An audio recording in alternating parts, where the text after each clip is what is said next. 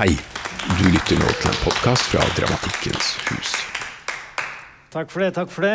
Uh, tusen takk for invitasjonen først til å komme hit og snakke. Det er jo en veldig hyggelig anledning, må jeg si. Det er jo en, i denne serien en imponerende samling med folk og tenking, så det å få være en del av den, det, det føler jeg meg bæra over å få være. Um, Amund Sjøli Sveen heter jeg altså. Født og oppvokst i Vadsø. Eh, I Øst-Finnmark, men nå har jeg faktisk da bodd i år akkurat like lenge sør for Polarsirkelen som nord for Polarsirkelen. Og det her er litt sånn eh, tøft for meg å forholde meg til, så derfor så jobber jeg jo veldig mye i nord. Eh, Jeg er utdanna musiker eh, fra Tromsø og fra Göteborg. Eh, slagverk. Klassisk slagverk det er min eneste utdannelse. Den er til gjengjeld eh, veldig lang. Og min eneste jobb det har vært som journalist. Um, Nå jobber jeg stort sett med utgangspunkt i det prosjektet som heter Nordting. Som da er mye, men som fra starten av eh, er en folkeforsamling for nordområdene. Og det er med det utgangspunktet jeg skal snakke nå. Eh, Pan-Arctic Vision, altså. Her kommer den i full rosa. Em, jeg følte meg jo sånn slightly selvopptatt da jeg foreslo dette temaet. Fordi at det er et prosjekt som jeg har laga sjøl. Eh, invitasjonen til å snakke er egentlig en invitasjon til å snakke om noe annet enn seg sjøl. Noe annet enn sitt eget prosjekt. Eh, det fikk jeg rett og slett ikke til. Jeg hadde hodet for fullt av Pan-Arctic Vision. Eh, og så trøster jeg meg med at eh, Pan-Arctic Vision er en god inngang til å snakke om, om veldig mye forskjellig. Eh, og dessuten så er jo dette prosjektet vært en del av Artlab. Tale Ness sin, uh, sine scenekunstlaboratorieserie, som nå ligger under DAVI scenekunst. Uh, og et av premissene der er jo å dele refleksjon. Eh, Både, både under og etterpå. Eh, og så er jeg også medlem, eller ikke medlem, jeg er med i et eh, forskningsprosjekt ved Universitetet i Tromsø, eller Norges arktiske universitet, som det heter. Som, som er et sånn kunstnerisk utviklingsprosjekt der også Pan-Arctic Vision inngår. 1001 Nord heter det prosjektet. Så, så jeg trenger å reflektere rundt dette prosjektet. Eh, og det er jo helt nydelig å gjøre det i denne sammenhengen. Så har jeg notert meg fra invitasjonen at det sto 'avslappa atmosfære' og 'løs jakke', så det planlegger jeg.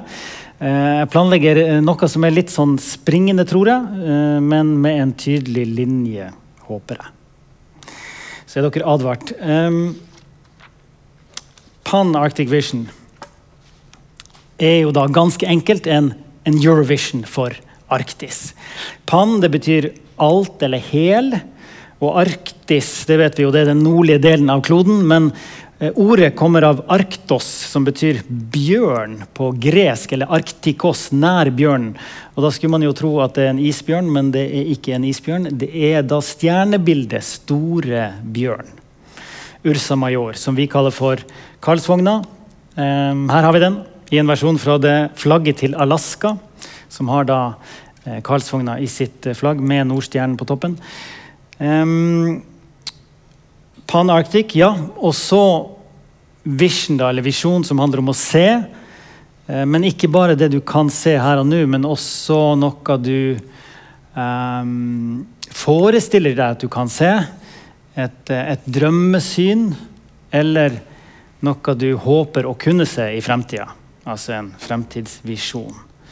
Så Pan-Arctic Vision det er da en slags visjon for alle som kan se Karlsvogna.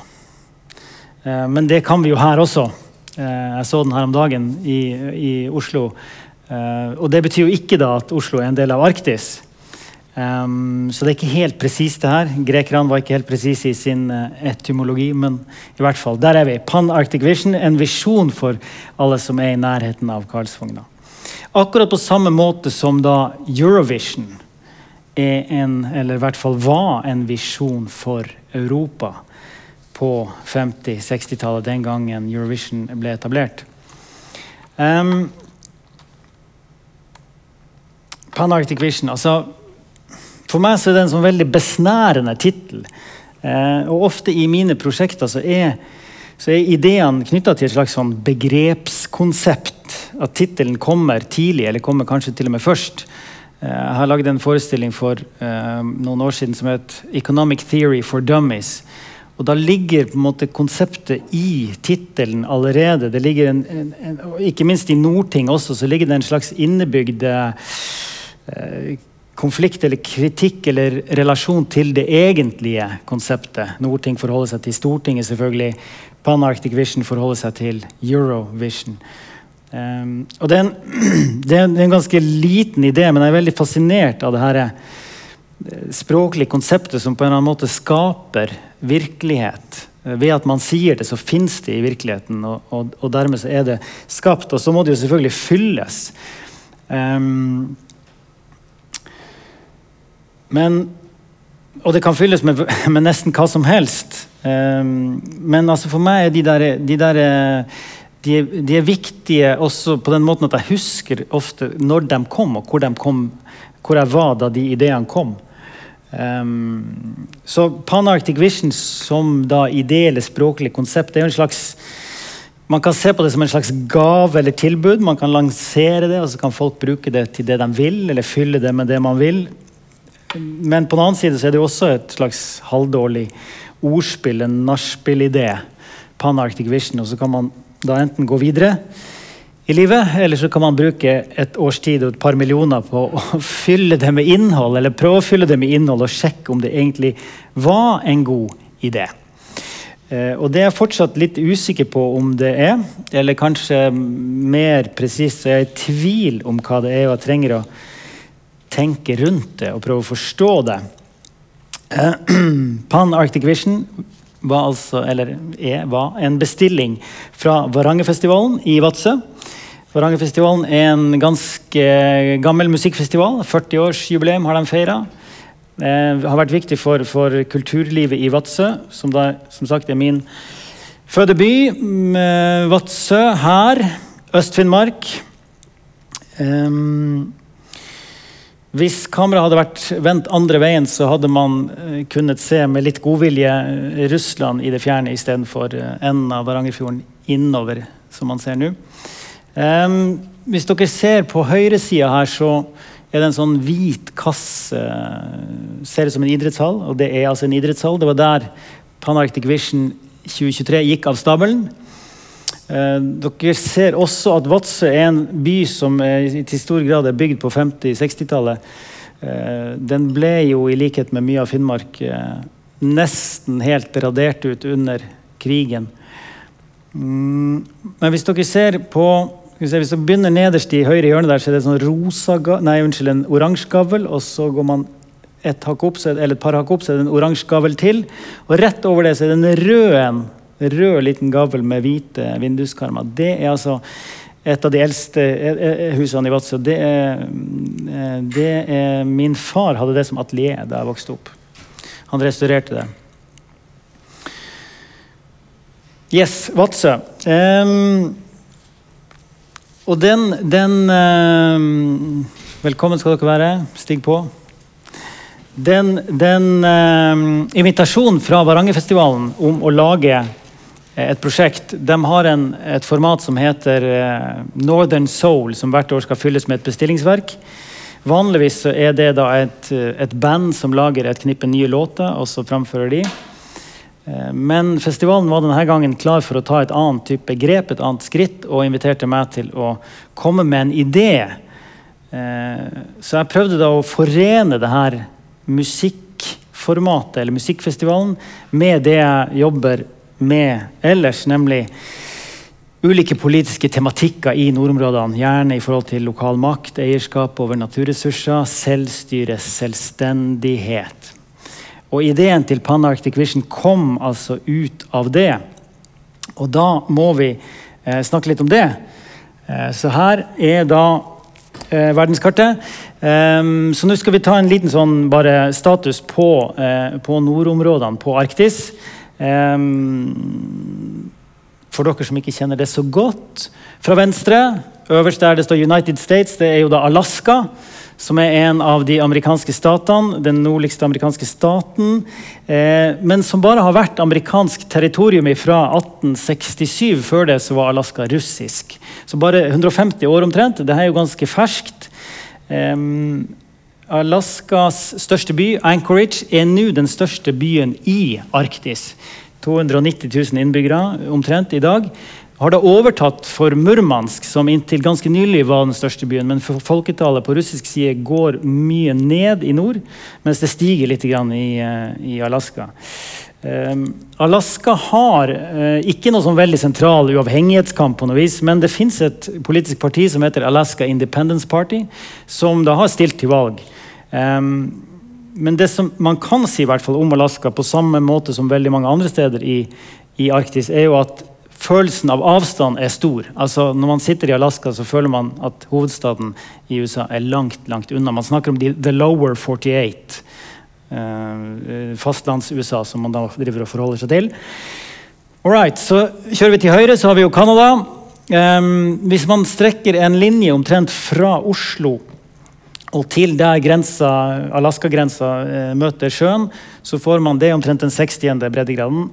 Nord for den så er da det nordlige Canada, de canadiske nordlige territoriene. Der bor det jo nesten ikke folk. Altså Det bor eh, 120 000-130 000 mennesker i de her nordlige territoriene. I Canada så bor omtrent alle langs grensa til USA. Um, så hvis man i Norge snakker om at Nord-Norge har sånn 10-11-12 kanskje prosent av innbyggerne i, i landet, så har så har det nordlige Canada kanskje 0,3 eh, Så det forsvinner få mennesker. Eh, enorme avstander, lite infrastruktur. Når det gjelder de her grensene og selvstendighet, så er, så er ikke de skrevet i stein, territoriegrensene nord i Canada. Så sent som i 1990 Unnskyld. Jo, 99 så ble det oppretta et nytt sånn administrativt territorium da Nunavut ble etablert, som altså er det østligste delen av det nordlige Canada, som nærmest eh, Grønland. Um, som da har eh, flertallsbefolkning av, av inuitter, altså ur, urfolket. Um, og hele det her eh, kontinentet, både USA og, og Canada, er veldig prega av uh, urfolksproblematikk. Altså, altså utfordringer mellom, mellom, urfolkene og de uh, ja, ikke-urfolk settlerne, eller de innflytta. Og det, er veldig, det, her er veldig ferskt i, i det her området. Uh, på en helt annen måte enn det er her hos oss, selv om vi også har våre problemer. Ikke minst akkurat nå. All right. Vi hopper til Grønland, som jo da Talende nok, der står det jo Danmark. Det er jo det som er saken. Grønland er i dag en del konstitusjonelt en del av, eh, av Danmark. Fikk selvstyre i 2009, så har, eh, styrer eh, alt bortsett fra utenrikspolitikk, forsvarspolitikk, pengepolitikk. Eh, I Grønland i dag så er det flere selvstendighetspartier som kjemper ganske hardt for selvstendighet. Og man kan vel si at den selvstendighetskampen er en sentral del av det politiske, politiske samtalen i Grønland i dag. Um, og da skal vi til Færøyene etterpå. Eh, fordi at Færøyene har da, hopper vi over Island, for Færøyene har jo samme status omtrent som Grønland. Problemet er bare at Færøyene mangler på det kartet der. Skal vi se, Det er også ganske talende. Uh, hvis dere ser nord for Skottland der, så ligger jo Shetland. Men mellom Island og Skottland, der ligger Færøyene. Det har de glemt. Jeg eh, har vel et annet kart her. Skal vi se. Ja, det var jo Ja, der kan man se det. En liten flekk der. Ok. Færøyene, altså, som har samme, samme posisjon som, eh, som Grønland. Eh, konstitusjonelt en del av Danmark, men har indre selvstyre. I 1947 så var det en, en folkeavstemning om uavhengighet for uh, Færøyene. Det ble et knapt flertall for uavhengighet den gangen. Eh, men den danske kongen stoppa det, oppløste nasjonalforsamlinga. Eh, og siden da har det ikke vært noen ny folkeavstemning. Og det ble aldri noen selvstendighet for Færøyene den gangen. I dag så er det flere partier som kjemper for selvstendighet, men den, den eh, kampen eller det politiske spørsmålet er ikke veldig framme i offentligheten akkurat i dag. Island, mellom Grønland og Færøyene, var jo også en del av Danmark inntil begynnelsen av 1900-tallet. Fikk selvstendighet i uh, selvstyre i, i, i, 1918 og full selvstendighet fra 1944, altså etter krigen. Den gangen på, ved, ved, en folkeavstemning der det var 97 flertall for å uh, Eller unnskyld, 97% stemte for å bryte med, med Danmark. Island passer ikke helt kanskje inn i den her um, som de andre, da, som er land med veldig tydelig nord-sør-akser, der, der, det fins hovedsteder i sør og territorier i nord. Island er jo mer sånn selv, self-contained innafor, uh, Arktis. Um, så har vi jo Norge, Finland, Sverige, Skandinavia. Um, det kjenner vi jo litt bedre til. Her er jo ikke noen sånn veldig sentral uh, uavhengighetssamtale om, om uh, Eller diskusjon om de nordlige områdene, men det er klart uh, Sápmi, I Sápmi og rundt Sápmi så finnes det jo i hvert fall den type problematikker uh, om selvstyre i forhold til selvstyre på ulike måter. Um, og så har vi Russland, som jeg dessverre kan altfor lite om. og som vi jo ikke lærer så mye mer om for tida. Altså, der finnes det også veldig mange ulike administrative enheter. og Det finnes en del autonome områder som delvis er basert på urfolksområder. Eh, Hvor autonome de er i praksis, det vet jeg ikke. Og det er vel kanskje ikke sikkert de er så veldig autonome. Eh, men helt lengst øst i Russland så er det i hvert fall Tsjukotka-området har eh, god kontakt, eller har eh, historisk kontakt med Alaska og med eh, nord i Canada. Og har, det, altså språkene henger sammen i det området der. Alright, Det var litt sånn kjapt. Eh, det man kan kanskje oppsummere opp som er felles da, i, i, i Arktis, i tillegg til, en, til, at man deler erfaringer når det gjelder klima og natur, det er jo denne opplevelsen av at det er langt til makt. Det er langt til der eh, ting bestemmes. Det, er en, følelse som deles i, i, i mange steder i nord. Um, I tillegg til at hele, hele, logistikken i området da er basert veldig på en nord-sør-akse og ikke øst-vest. Altså Man forholder seg innenfor sine nasjonalstater i veldig stor grad. Og det er jo ikke så merkelig. Uh, så da, Pan-Arctic Vision. Ideen kom til det da jeg var på Færøyene. Jeg var der for å undersøke eller lære mer om, om den færøyske selvstendighetskampen, selvstendighetsdiskusjonen. Og jeg intervjua en del folk som visste noe om det, historikere og, og, en journalist særlig, som da var den som åpna det her for meg. For han sa det at i dag så er ikke uh, ideen om selvstendighet eller konflikten rundt det er ikke, ikke hard eh, på Færøyene. Det går godt, folk har det bra. Um, folk flytter hjem til Færøyene. Men det som kanskje kunne trigge en sånn sak, det er at Færøyene ikke kan stille under eget flagg i OL eller Eurovision. Og det var for meg så utrolig fascinerende at at en så politisk idé som selvstendighet skulle kunne manifestere seg i kulturfeltet. At, at det der spørsmålet som er så politisk, spiller seg sterkest ut innenfor noe som Eurovision eller OL. Um, og pga. de tilfeldighetene da, så ble det Pan Arctic Vision. Og det kommer vi til, men vi må snakke litt mer om kart. Fordi at um, Altså, jeg har hørt, og jeg tror vi blir fortalt, at Coca-Cola-merket er det mest eh, kjente og definerende visuelle symbolet på kloden. Det er det flest folk har et forhold til eller kjenner igjen. Men jeg tror at man kan argumentere ganske hardt for at det her er et av de mest sentrale visuelle symbolene som vi forholder oss til. Jeg tror ikke det er mulig å overdrive betydningen av dette bildet. Altså det, konseptuelt, det her ser vi hele livet. Eh, det er alltid det samme. Vi tar det for virkelighet. Det her definerer oss i verden. Det definerer retning. Nord, sør, øst, vest. Det definerer opp og ned. Vi sier jo det. Her sier man vi skal opp til eh, Finnmark. I Finnmark sier man vi skal ned til Oslo eller ned til Europa. Dette er rammer for å forstå tilværelsen. Men det er jo selvfølgelig en representasjon, det er ett perspektiv. Eh, og det har vært en utvikling i hvordan man har eh, representert denne runde kloden som er jorda. Eh, og her var Færøyene først, ja. Det var fint. Her er eh, en projeksjonsmetode som vi kaller for, eller projeksjonsmodell som heter Mercator, etter Mercator, som lagde denne måten å vise den runde kloden på et flatt papir. 1569. Dette er det som Google bruker, eller den ligner i hvert fall veldig på det som Google gjør. Her har man prioritert av korrekte vinkler. Dette er et kart du kan seile og navigere etter.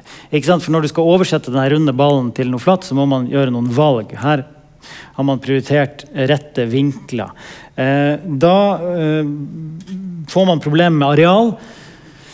Grønland er større her enn Afrika, mens i virkeligheten er Afrika 14 ganger større. Så da har man en, en diskusjon gående. Her kommer da eh, Gal Peters 1855, som da har korrekte arealer, men formene er jo kraftig deformert. Uh, og ikke minst for Arktis sin del så er jo det her en, noen små sånne hvite dotter helt i periferien. Robinson her i 1963 gjør et kompromiss da, og fyller ikke hele det firkantige arket. Men også her så får man jo um, Arktis er, er, smått der oppe i periferien et sted. Og usammenhengende. Så har det vært da, sant, teknologisk utvikling, man gjør nye projeksjoner, men det er forbausende likt. Uh, synsvinkelen er jo helt lik hele veien. Og det er selvfølgelig fordi at de her første kartografene de satt jo i kongehusene i Europa og plasserte de kongene i sentrum. Og så har det senere kommet noen sånne varianter der man gjør alternative grep. Eh, Kina bruker et sånt kart gans, ganske mye. Eh, plasserer Kina i sentrum. Det er jo superinteressant også sett fra et nordlig perspektiv, for her får man da den der landbroa mellom Alaska og, og østlige Russland. Og det området som da er, eh, som er befolka av ulike inuitt-folkeslag fra øst i Russland over Alaska, eh, Canada og Grønland, blir mye tydeligere. Man ser, den, eh, man ser den forbindelsen mye bedre. Så har vi selvfølgelig et kart som det her, som også har vært brukt aktivistisk. Jeg har vist det kartet en god del til skoleunger i barneskolen, og det er utrolig artig å gjøre. For Man kan, vise, man kan uh, slenge opp det kartet, og så kan man bare sitte stille, og så er det noen, noen, som sier 'opp ned'. Og da kan man starte hele den samtalen om ja, men uh, det er jo egentlig bare en ball der ute i verdensrommet som snurrer. Så hva som er opp, og hva som er ned. Men så eh, er det også noen som har prøvd seg på noe radikalt annerledes, og det her kartet elsker jeg. da. Det her er en, en eh, amerikansk eh, Eh, arkitekt som heter Buckminster Fuller, som lagde det i 1943. Han lagde det som et utbredtskart i Life Magazine. Det her kan du da klippe ut og sette sammen til en ball. Han kalte det for Spaceship Earth. Og Poenget var da å vise at landmassene på jorda henger sammen.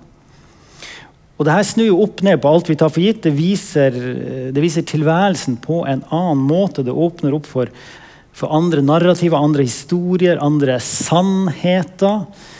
Um, og jeg vet ikke med dere, men det kartet, det kartet her, det, det, leser jeg fra venstre mot høyre. Jeg leser det som, som man leser en tekst eller leser en, en bok. Mens, mens det her det er helt annerledes. Starter i sentrum, begir seg utover. Tenk om Google Maps så det her. Det er ikke sikkert den på sørspissen av uh, Sør-Amerika hadde vært uh, så happy for det, men altså, perspektivet er så annerledes. Um, og det her er jo da det som jeg har adoptert til Panarctic-kartet. Som da mener jeg åpner opp for denne panarktiske visjonen, den nye visjonen om et arktisk fellesskap. Um, og da må jeg vise dere Skal vi se, har vi han her? Ja. Byron Nikolai. Toksuk Bay i Alaska han våres, var vår uh, deltaker fra Alaska. Og Toksuk Bay ligger her. Så fløy han til Bethel, som ligger her omtrent. Eller det vil si, først så var det tåke da han skulle dra, så han kunne ikke dra den dagen. Han fikk flydd til Bethel dagen etter. Så fløy han til Anchorage, som ligger her. Og så fløy han til Seattle, her. Så fløy han til Amsterdam, og da må vi rundt hele hit. Ned hit. Amsterdam, Oslo, Tromsø Der sovna han på flyplassen og mista flyet. Og så fløy han da til Tromsø, og så fløy han til Vadsø. Der. Eh, det tok omtrent 36 timer. Eh, I tillegg, altså Han måtte overnatte tror jeg, to netter den ene veien og én natt den andre veien. for det er ikke korrespondanse heller. Men så ser dere jo da, med dette kartet så ser dere jo at her er Vadsø, og her er da eh, Toksok Bay. Og den strekninga der den kan man fly på mellom syv og åtte timer. Hvis det hadde gått et fly. Ok. Pan Arctic Vision. Altså 12. august i Vadsø. Vi hadde artister fra alle de her arktiske territoriene. Um, fra Alaska, Yukon, Kalashlit Nunat, Grønland. Island, Færøyene, Nord-Norge, Nord-Finland, Sápmi og også en artist fra Nord-Russland. En eksilkunstner. David Brun Solbakk var vert sammen med meg. David er um, journalist, har vært journalist i NRK Sápmi og ellers, uh, og ellers um, queer-aktivist. Vi hadde også åpna sendinga med en, en kortversjon litt sånn av det jeg snakker om nå. En slags politisk kontekst for prosjektet. De her artistene våre spilte ikke bare hver for seg, de spilte også sammen. Uh, I motsetning til Eurovision så hadde de altså et fellesnummer, siden det her handler om fellesskap. Og hele greia ble da strømma ut internasjonalt. Um, og det kan man jo tenke seg er et mareritt å få til i Vadsø. Det er et lite sted, det er et stykke unna. Um, men det som er saken er at i Vadsø da, så var det inntil for eh, noen få år siden NRK, et NRK-kontor. Og Vadsø var faktisk det første stedet der NRK åpna distriktskontor utafor Marienlyst. 1934. Men NRK la ned og flytta. Så dermed var det en del arbeids, nei, ikke arbeidsledige, men en del eks-kamerafolk som bor i Vadsø. Som da er, har lang erfaring og, og, og, er høykompetente, men som ikke jobber med kameraføring i dag. Men de kunne vi da hente inn og bruke. Og så strømmer vi da eh, ikke bare åpent og fritt, men vi strømmer også til eh, samarbeidspartnere rundt i hele Arktis. Så vi lagde sånne strømmearrangementer der folk kunne møtes og komme og se på um, i, på de her stedene. Uh, og det var også de her stedene som da meldte inn poeng når vi kom så langt at det skulle kåres. Deles ut poeng. Um, de her, de her, strømarrangementene var ganske ulike i, i karakter. og Det var veldig ulikt om det kom mye folk. Eh, Verdensteatret i Tromsø var det desidert mest vellykka. Der var det god stemning. Eh, også i Kaukonen i Nord-Finland var det bra eh, trøkk. Eh, Yukon Art Center i Whitehorse der var det veldig lite trøkk. Der så vi en tom sal når de kom inn på Zoom. Um, og så skulle jo det da uh, stemmes, for det gjør man jo i Eurovision gjerne. Og da uh, Første avstemninga som publikum måtte ta stilling til, det første spørsmålet, det var om det skulle kåres én vinner eller flere vinnere. Og da ble det flertall for at det skulle kåres flere vinnere. Så istedenfor den ene seierherren, så ble det da tre priser. Det ble mest eh, revolusjonære sang, eh, mest arktiske sang og den sangen som gir eh, størst følelse av fellesskap. Og så I tillegg så hadde vi en kåring av det stedet som virkelig fortjener en pris. Eh, som virkelig trenger en pris, og som fortjener å arrangere neste utgave av Pan Arctic Vision. Og det ble Grønland. her, representert ved Nuya fra Nuuk. Um, jeg skal bare nevne da at uh, å lage en sånn her TV-sending det er jo uh, ikke noe jeg har gjort alene. Jeg har hatt med meg et fantastisk team. Inger Marie Lupton har vært den som har uh, stått for alle de her arktiske kontaktene gjennom sitt fantastiske nett. Så jeg har hatt Hege Pålsrud, scenograf, Erik Stifjell, komponist, og Knut Aasrud og Jamie Bivard har gjort digitale foto-video-ting og, og logomaterialer og sånn. Og Tale Næss har vært en, en eh, dramaturg on call. Så jeg har gått rundt i, i Vadsø når jeg har vært frustrert, og så har jeg ringt til Tale Næss og fått dramaturgisk sånn her, eh, telefonhjelp. Ok, eh, Det er en veldig eklektisk samling artister og musikk og språk det her ble. Um, og vi brukte en god del ressurser på å gi eh, Bygge fellesskap også blant eh, gjestene, blant de artistene. Her er det da Alaska og eh, Russland faktisk som har et møte over eh, fisking av kongekrabber på Varangerfjorden. Og fantastisk vær hele tida. Det var virkelig den, den beste uka. Eh, men dere må jo få høre litt. Grann. Skal vi se um, om jeg klarer å få til det. Da må vi gjøre sånn igjen, ja. Ok. Skal vi se her Jeg tror vi begynner Vi begynner, vi begynner med Katja Gilman. Eh, russisk som nå bor da i Tbilisi i Georgia, i eksil. Her har vi Katja.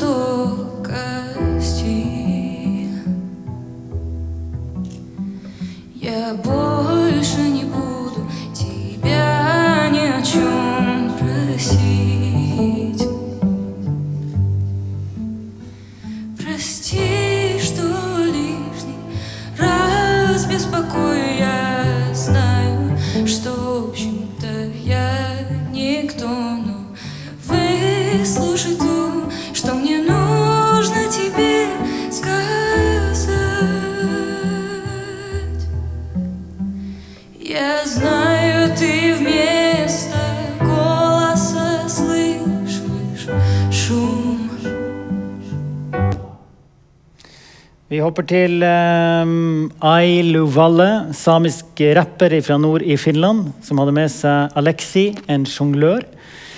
Hvis vi får dem inn her. Og dere hørte jo selvfølgelig at, eh, at um, Katja synger på russisk. Det er også et prinsipp som vi har gjennomført hardt, at alle synger på sine, eh, sine egne språk. Naina vaaselas, tässä polte kittala kuoppee kiesis, kun ääntila vie sässällä sässäs, kun te tummero viesir. Hands in the air! Anne, chiming mukaan, siriva hiailuvaa. Pahkanaat sen aaloja ahkan, tän narranissi niin tolla piesa hilailuvaa. Eteen grammaiten sahkan, fria tahtuu puoliis laukalin. Pursahtan ja mahtan, voittu siemani keinosan kaukalin. Jaska vuoda sambi kitta tsyöksön suokka, syöke vuoda jo tseleke antavat saada juottai. Suonjan tväyjäi, suonjan vaimmus pik. Ok, vi hopper videre her. Katja Gilman. Byron Nikolai har vi fra Alaska. Synger på yupik, eller rapper på yupik, eh, inuittspråk.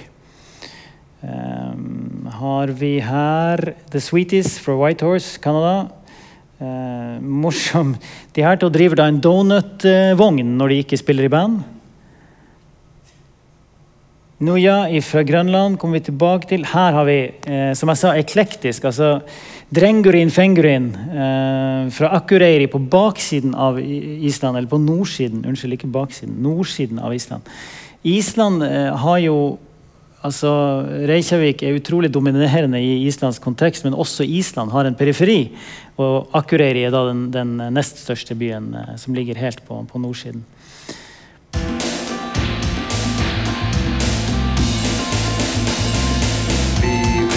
Eins og ég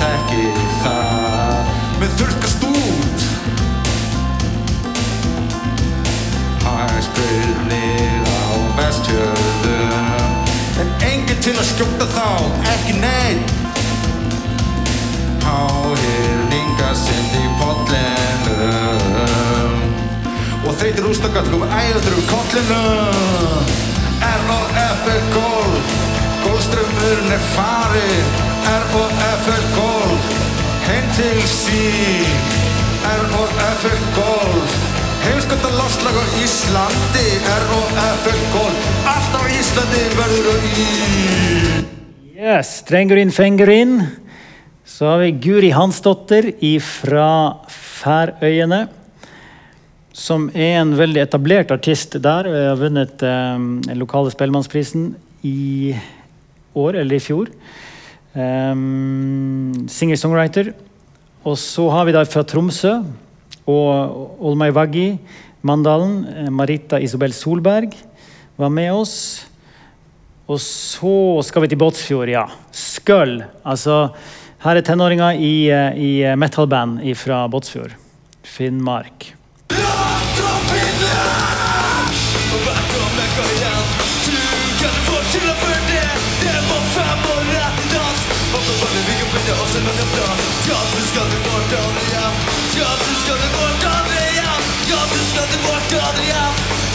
Çılgın bu tanrıyan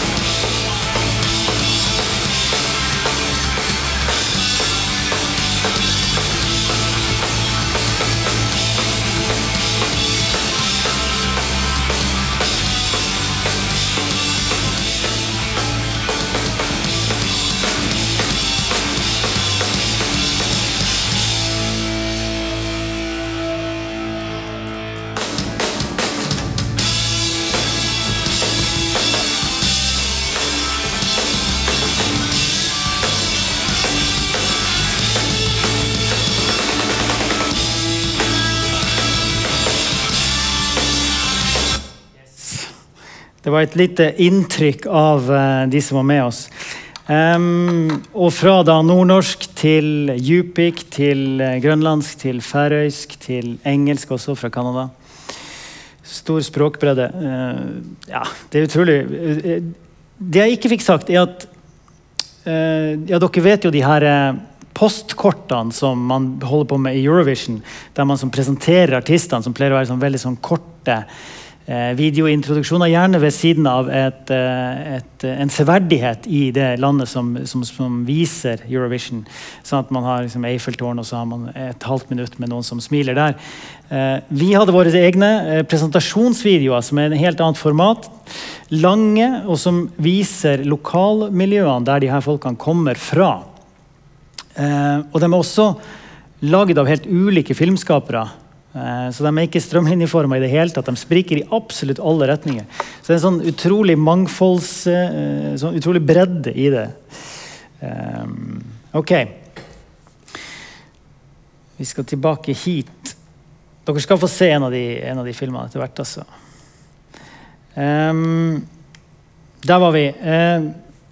Jeg er faktisk ikke så veldig interessert i Eurovision. Um, og lenge så hadde jeg ikke lyst til å si at Pan-Arctic Vision det var en, en arktisk versjon eller en arktisk Eurovision, eller en Eurovision for Arktis. Um, men det viste seg jo etter hvert at det ble jo uh, Det var ikke så lett å komme seg unna det, fordi at det er også den, den helt klart tydeligste måten å forklare prosjektet på. Uh, Så det måtte jeg gi opp, og så begynte jeg i stedet å si at uh, Pan-Arctic Vision det er en Eurovision for Arktis med litt andre budsjetter. Og det er jo en, en, en, en sammenligning kan jo belyse litt, så jeg tenkte en, gå inn i en sånn litt komparativ analyse her, uten å kåre en vinner. Men uh, Eurovision er jo en sangkonkurranse. Det er veldig tydelig. Profileres som en sangkonkurranse. Hvis man skal snakke om målet med det her. Um, Pan Arctic Vision posisjonerer seg annerledes allerede her i logoen. der Under Eurovision så står det jo Song Contest. Her så står det Song Community Independence. Altså å synge sammen og bygge fellesskap sammen og ha makt til å bestemme over eget liv sammen. Song Community Independence fra det lille til det store. Eh, så det er en slags sånn målstyrt scenekunst, det her, og det er jo artig. Um, og det å, det å, bygge og opprettholde fellesskap i perifere, perifere deler av nasjonalstater over grenser, over nasjonalstatsgrenser og kulturelle grenser, det forutsetter at man må konfrontere politiske spørsmål om definisjonsmakt, om økonomisk makt, identitet, selvbestemmelse. Så Derfor så blir også Pan-Arctic Vision nødvendigvis politisk. På en måte som Eurovision da ikke er, som er definert og uttalt ikke-politisk. Um, det står i, i, regelboka til Eurovision. Uh, og jeg vet ikke, Det er akkurat som at resultatet blir en slags sånn ensretting, mens resultatet her har blitt et veldig mangfold. Uh, kanskje prøver Eurovision på en eller annen måte å bygge fellesskap gjennom å viske ut regionale forskjeller, mens Pan-Arctic Vision løfter fram regionale egenarter, ulike språk. Bare det at det er livemusikk, det får man heller ikke lov til i Eurovision. Uh, synginga er live, men det er ikke lov å spille live instrumenter i Eurovision. Uh, det står i regelboka. Hos oss er det jo motsatt. uh, og vi har på godt og vondt heller ikke autotune i det hele tatt. Eh, som man jo har i Eurovision etter hvert. En måte tenker jeg, å se Pan-Arctic Vision på, det er jo et, at det er et prosjekt som bruker et populærkulturelt format som fartøy for et spesifikt innhold. Og uten å diskutere masse form og innhold, så, så syns jeg det er interessant det der hvordan, hvordan fartøy eller hvordan vehicle er det man tenker, hvordan interface er det publikum møter et innhold eh, i, eller hvordan grensesnitt er det her. Og det er klart at For oss som scenekunstnere så er vi jo, vi jo bundet til en form eller et format. Det er ikke sånn at vi står opp om morgenen og så går ut i studio og tenker hm, i dag har jeg lyst til å lage en, eh, et prosjekt om Israel-Palestina. Skal jeg gjøre det som Hollywood blockbuster-film i dag, eller skal jeg velge modernistisk poesi? Det er ikke sånn vi funker. Vi er, vi er Altså, vi, vi er jo bundet til Vi er kanskje formatskapere. Vi, vi skaper innenfor format. Um, vi skaper ikke innhold fritt på den måten som kanskje reklamebransjen gjør, der man måtte, velger et innhold og putter det i en form som er mest egnet, tjent til å spre det budskapet. Men allikevel, for meg så er det interessant å tenke hvilken form er det som løfter og tjener eller eh, et innhold. Um, og da kommer det en digresjon, og det er og Der har vi canadierne. De er praktfulle. The Sweeties. Uh, det her er digresjonen. Stig Larsson. Millennium-trilogien den kjenner dere. altså Stig Larsson, som da ikke var forfatter, egentlig, eller i hvert fall helt ukjent forfatter, han var redaktør for Expo, et tidsskrift som hadde som formål å studere og kartlegge antidemokratiske, høyreekstreme og rasistiske tendenser i samfunnet. Um, det var Han da, her, eh, eller han var jo død da bokserien kom ut, som da ble en sånn enorm suksess kanskje den største eh, svenske krimserien ever. Den første boka heter 'Menn som hater kvinner'. Og for dere som har lest den, vet dere jo, eller sett filmen, at det er en slags sånn Pippi-historie med eh, Lisbeth Salander. Som er en sånn her eh bulldoser gjennom kriminelle eh, landskap her. Men det som fascinerte meg veldig da jeg leste den, det er at i hvert fall i den utgaven som kom tidlig, kapitteloverskriftene, kapittel eh, eller kapittelsidene der nytt kapittel begynner, der var det under kapitteltittelen så var det satt inn en faktaopplysning om vold mot kvinner. Det sto f.eks. sånn så og så mange prosent av svenske kvinner opplever vold i nære relasjoner. Og så var vi tilbake i fiksjonen. Den der blandinga av fakta og, eller en faktaopplysning i fiksjon som lager en ramme for hvordan man leser eller opplever fiksjonen. Eh, man kan fint lese de her bøkene eh, som ren krim uten å, uten å tenke på, på, et, eh, på, noe annet. Men jeg mener at det potensialet for å lese dem politisk er så tydelig i og med den rammesettinga han gjør, den konteksten han lager. Og, og et sånn glossy og TV-vennlig sangkonkurranse som Eurovision har jo noe av den samme appellen. Og så lurer jeg på deg om Pan-Arctic Vision i beste fall kan fungere litt på samme måte. At man skaper en en kontekst som man forstår innholdet gjennom. Og så lurer jeg på er det mulig å beholde den der kompleksiteten som vi er glad i, eh, og samtidig en bred appell. Mm, fordi at Panarctic Vision er jo komplekst. Jeg har lært om samtidighet av eh, Tale Næss. Eh, Panarctic Vision er et strømarrangement, det er en TV-produksjon som er live.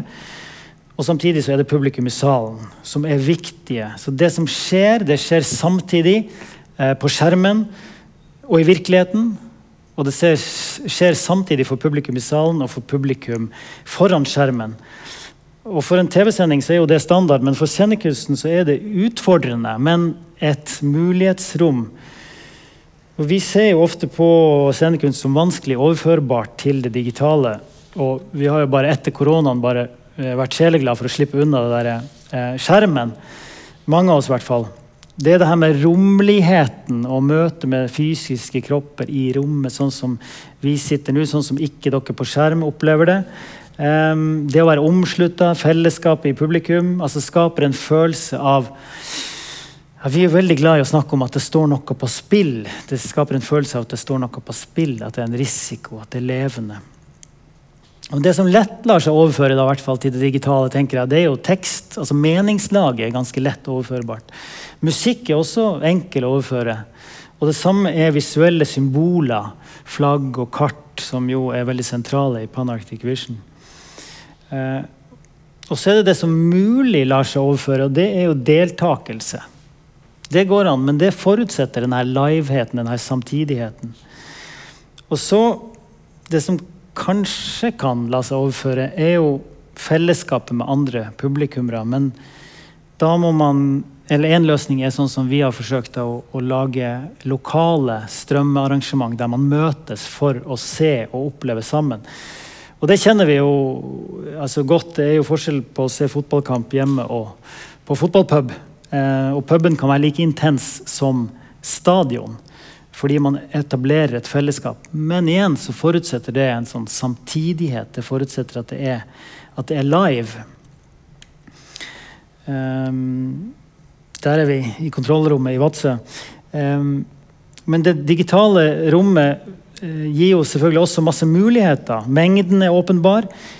Og så har vi det her med tilgjengeliggjøring. At på tross av ulike muligheter så kan man nå folk over geografiske avstander økonomiske avstander, funksjonsnivå, og alt det der. Um, og det å nå folk uh, ulike geografiske steder samtidig Panarctic Vision opererer over tolv tidssoner. Det er, det er, jo helt utrolig når man er vant til å jobbe innenfor en sånn her boks. Uh, og så tror jeg også det er noe med um, det er noe med her, denne forflytninga som man kan gjøre. og jeg, jeg, mener, jeg har prøvd å lage TV én gang, så jeg er jo helt novise. Men denne forflytninga mellom live og ikke live, mellom her og ikke her, andre steder eh, Det er et eller annet der som er veldig fascinerende, og som, som åpner opp tror jeg, for en sånn Altså det å se seg sjøl og se andre, og det er jo det man faktisk helt fysisk gjør.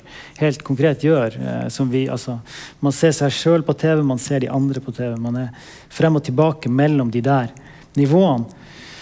Um, og da har jeg i hvert fall følelsen av at, man, at, at noe står på spill. Um, på en annen måte enn når jeg ser på Eurovision. Derfor har jeg ikke følelse av at det er så mye som står på spill publikum er, Det er jo live, men publikum er liksom redusert i en slags scenografi. Og så er denne produksjonen er så, den er så glossy på en eller annen måte. Det er så mye overflate. Som det virker som jobber mot denne samtidigheten. Um, Mens i Panarctic Vision er ganske rå. Altså, vi hadde mangelfull lyssetting, vi hadde ganske tilfeldig kameraføring. Det var ikke tid til å øve med artistene, så de spilte jo ikke til kamera, men til rommet. Uh, og selvfølgelig Da sendinga starta, visste ingen av oss hvordan det ville ende. fordi vi visste ikke om det ville bli én vinnerlåt eller mange vinnerlåter. og Derfor visste vi heller ikke om det kom til å bli en, vin, vinnerlåt som skulle avslutte, eller om det blir et fellesnummer som skulle avslutte.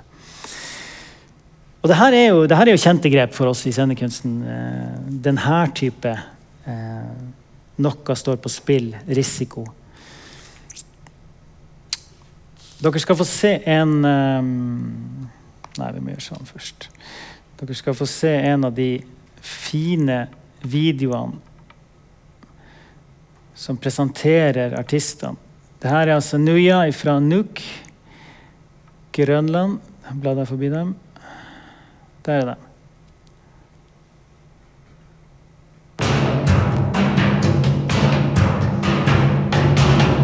كنت وانا كما تعرفون نومي وشوارو نويا كوني انا خسرت وشوا غني اختو مالو وشو نغني سيتي مش فيم سيري صاحبونا كي جاني عاكو انا انا غيزكا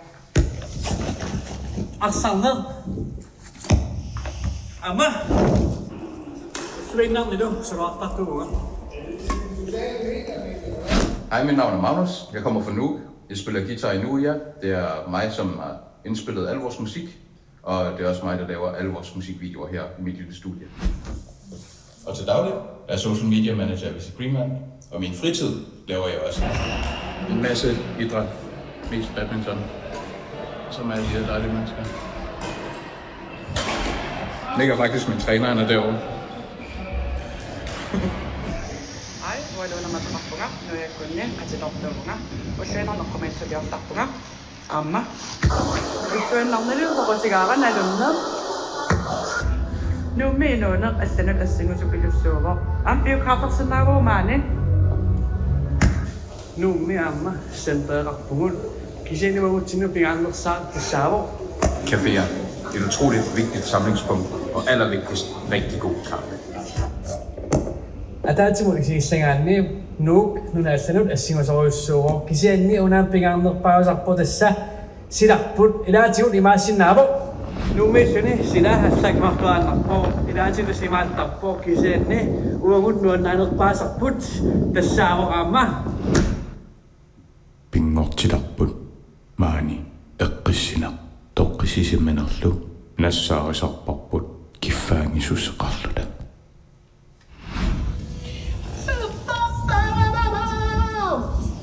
Et stort politisk problem i vores land, som er meget relevant for os, det er, at musikere bliver ikke set som et rigtigt erhverv. Hvis man skal lave en forretning eller prøve at starte ud som selvstændig musiker, så er alle skattelovene imod en. Det giver også kæmpe store problemer for alle spilleområderne, fordi at de ikke bare kan hyre en musiker.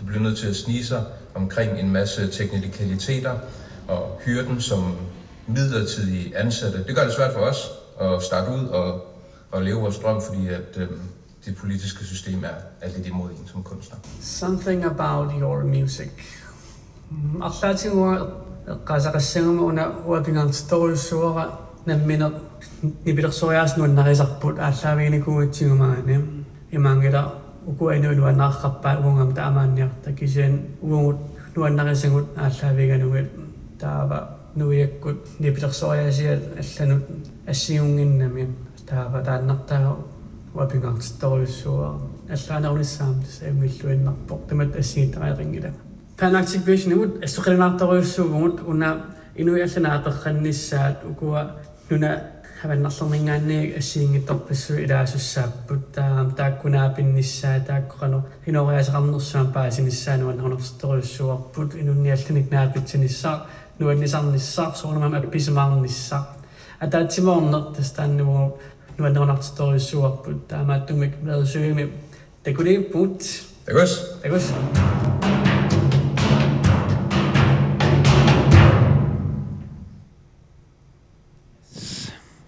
det er Nøya fra Nuk. Eh, der har vi dem. Og det her er noe som virkelig ikke kunne skjedd i Eurovision.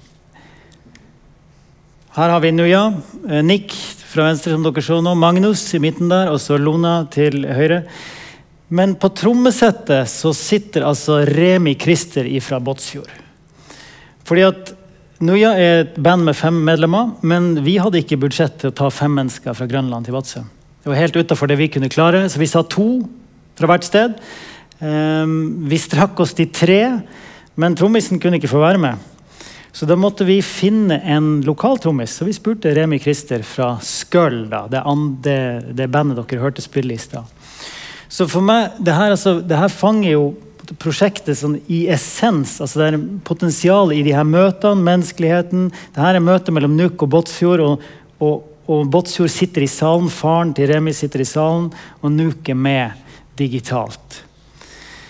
Um, det var en av de som var til stede i, i, på Verdensteatret i Tromsø, som, som sa at, at det å være der og, og følge, følge, den sendinga, det ble en feiring.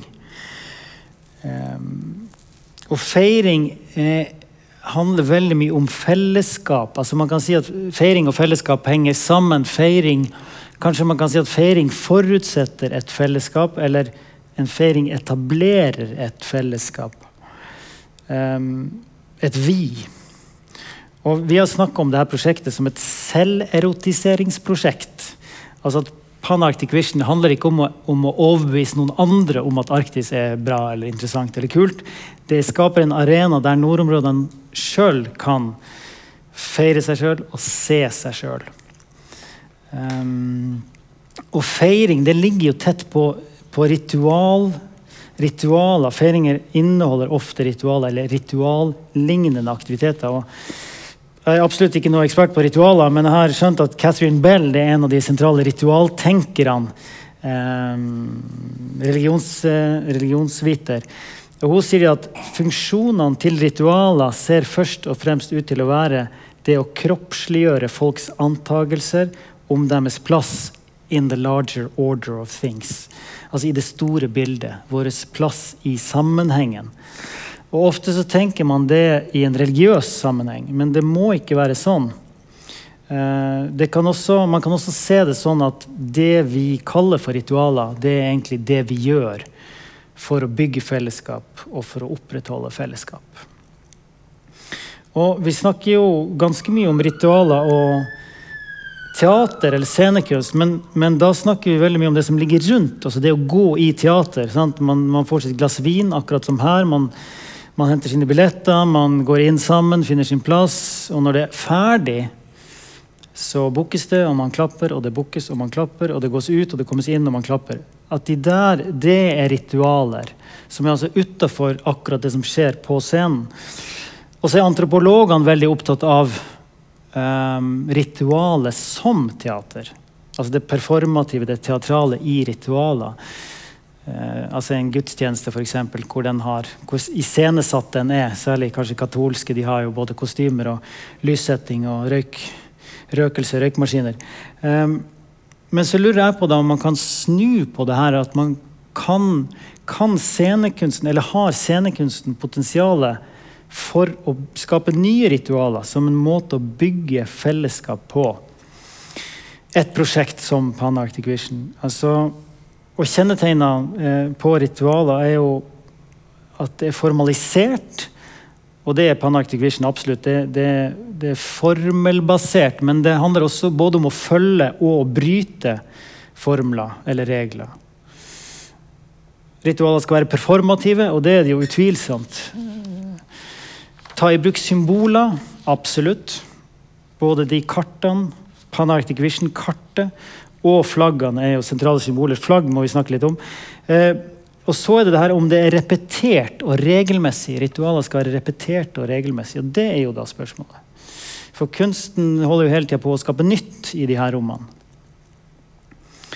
Ok, jeg må bare, En, en liten digresjon til flagg. Eh, altså, flagg. Jeg fant en, en, en, flaggteoretiker, det er helt fantastisk, Sherry Ortner, Ortner, som sier at flagg er oppsummerende nøkkelsymboler. Og at flagget samler Nei, unnskyld. At et flagg har som funksjon og mening å kommunisere et fellesskap. Og tenk på Det her, det palestinske flagget er jo veldig sentralt i dag. selvfølgelig. Det er potente greier. Eh, Nå snakker man i, i, i Storbritannia om at det palestinske flagget i seg sjøl skal ses som antisemittisk. Eller det å, det å vifte med det skal ses som antisemittisk. Kan ses, og dermed straffes. Eh, ekstremt potent. eh, 100 år gammelt omtrent, det palestinske flagget. I midten har vi Skottland, som jo står sentralt i en, en skotsk uavhengighets, eh, og fortsatt gjør. Lengst til høyre Catalonia, eh, der det har vært enormt eh, mye politisk debatt og diskusjon og konflikt. Ehm, I det sitatet fra flagg, flaggteoretikeren da, altså et flagg har som funksjon og mening å kommunisere et fellesskap, så fortsetter hun, så sier hun Eller han er hun. Uten, altså et flagg har som funksjon og mening å kommunisere et fellesskap uten at det i utgangspunktet utfordrer hva fellesskapet innebærer. Og da tenker jeg at eh, Pan-Arctic Vision-flaggsamlinga kanskje bærer en annen kompleksitet eller en annen flertydighet. da. Altså, Øverst til venstre Grønland. Nydelig, nydelig flagg. Sirkel, eh, sirkelelement, akkurat som i det samiske. Eh, det grønlandske flagget er jo da den arktiske 'eternal night, eternal light'. Det er midnattssola, det er horisonten med sola under om, om vinteren, det er isen. Eh, Fargene er jo de, de samme som i det danske flagget. og Det er helt bevisst, det valgte man for å skape kontakt til Danmark. Da de vedtok dette flagget, og det er ikke så gammelt, da eh, lå det også et annet forslag på bordet, som var et sånt eh, skandinavisk korsflagg. I grønt, hvis jeg husker riktig. Men de valgte den, det runde. Mm. Etter der så har vi Akureyri, som ikke egentlig er et flagg som er i bruk. Det er et, det er våpenskjoldet til Akureyri by, som vi har lagd et flagg ut av. Så har vi det samiske, da, som sant, samme sirkelsymbolikk, men andre farger. Eh, Etter der så kommer et flagg som Norting har innført, som er da symbolet til eh, Troms og Finnmark fylkeskommune, som nå snart er historie ved nyttår. Linja under har vi da kommunevåpenet til Båtsfjord, fiskekroken, som er gjort om til et flagg for anledningen. Som for øvrig er tegna av min far. Så har vi det færøyske flagget, korsflagg. Ehm, Det første færøyske flagget ble sydd av studenter, færøyske studenter som holdt til i København i mellomkrigstida. Så er Alaska, Karlsvogna, Nordstjernen. Lengst ute der er jo full av eh, arktisk symbolikk. Det er nordlys, det er en båt, og det er en torsk. Eh, det der er heller ikke et flagg som er i bruk eh, sånn. Det er symbolene og, og fargene er henta fra våpenskjoldet til Murmansk by. Eh, og det er jo fascinerende at det er de samme fargene som i det ukrainske flagget. Under der så er det Yukon, som er det vestligste territoriet nord i Canada. Eh, Tradisjonelt flagg, våpenskjold, men de har jo en, en sånn her uh, sledehund på toppen, i hvert fall. Så er det Nordtingets symbol, som er riksreinen. da. Uh, Den norske løve med reinhode. Uh, Og øksa er også bytta ut med en, en høtt. Eh, For øksa i den norske løven, den øksa som den norske løven holder, det er altså Olav den helliges øks. Hvis dere ikke visste det. Lengst til venstre så er det da Nunavut sitt flagg, som er eh, østligste, det østligste territoriet nord i Canada. Det er et ganske nytt flagg. Um, og det viser altså en inuksuk, som er en slags steinvarde som de bygger tradisjonelt. Pluss Nordstjernen. All right. Det var flaggene. Um, jeg tenkte hele tiden at Pan-Arctic Vision det skulle være én gang. Det var såpass slitsomt både å gjennomføre og få tak i pengene at jeg tenkte at det skal vi ikke gjøre igjen. Men så begynte de her artiklene å dukke opp. Og det, med presse er for øvrig veldig fascinerende, for det ingen som har skrevet om Pan-Arctic Vision som et kunstprosjekt. Ikke ett ord noe sted. Eh, men de her begynte å dukke opp. da Berlingske Tidene, Danmark, Danmarks Radio. Eurovox aner ikke hva det er for noe. Um, KNR, Greenlandic Broadcasting Corporation dekka det på den måten her. Den har vi også på dansk. Grønland vant vertskapet, men blir det overhodet et Pan-Arctic Vision neste år? Så tenkte jeg at da må vi jo se om vi kan få til det, da. Eh, Så nå har jeg faktisk gjort en avtale med KNR, Grønlandsk rikskringkasting, om at de skal stå for den tekniske produksjonen neste år. Og så holder vi på å se om vi kan finne en dato og løse de andre utfordringene. Og da tenker jeg at da er vi på et veldig, veldig interessant sted. For hvis vi kan prøve å bruke kunsten, scenekunsten til å bygge ritualer, for å bygge og styrke fellesskap, og samtidig holde fast i kunstens funksjon som et sted der vi skal utfordre de her ritualene og fellesskapene og symbolene. Det er en, en kompleksitet jeg er interessert i. Takk skal dere ha. Du har hørt en podkast fra Dramatikkens hus.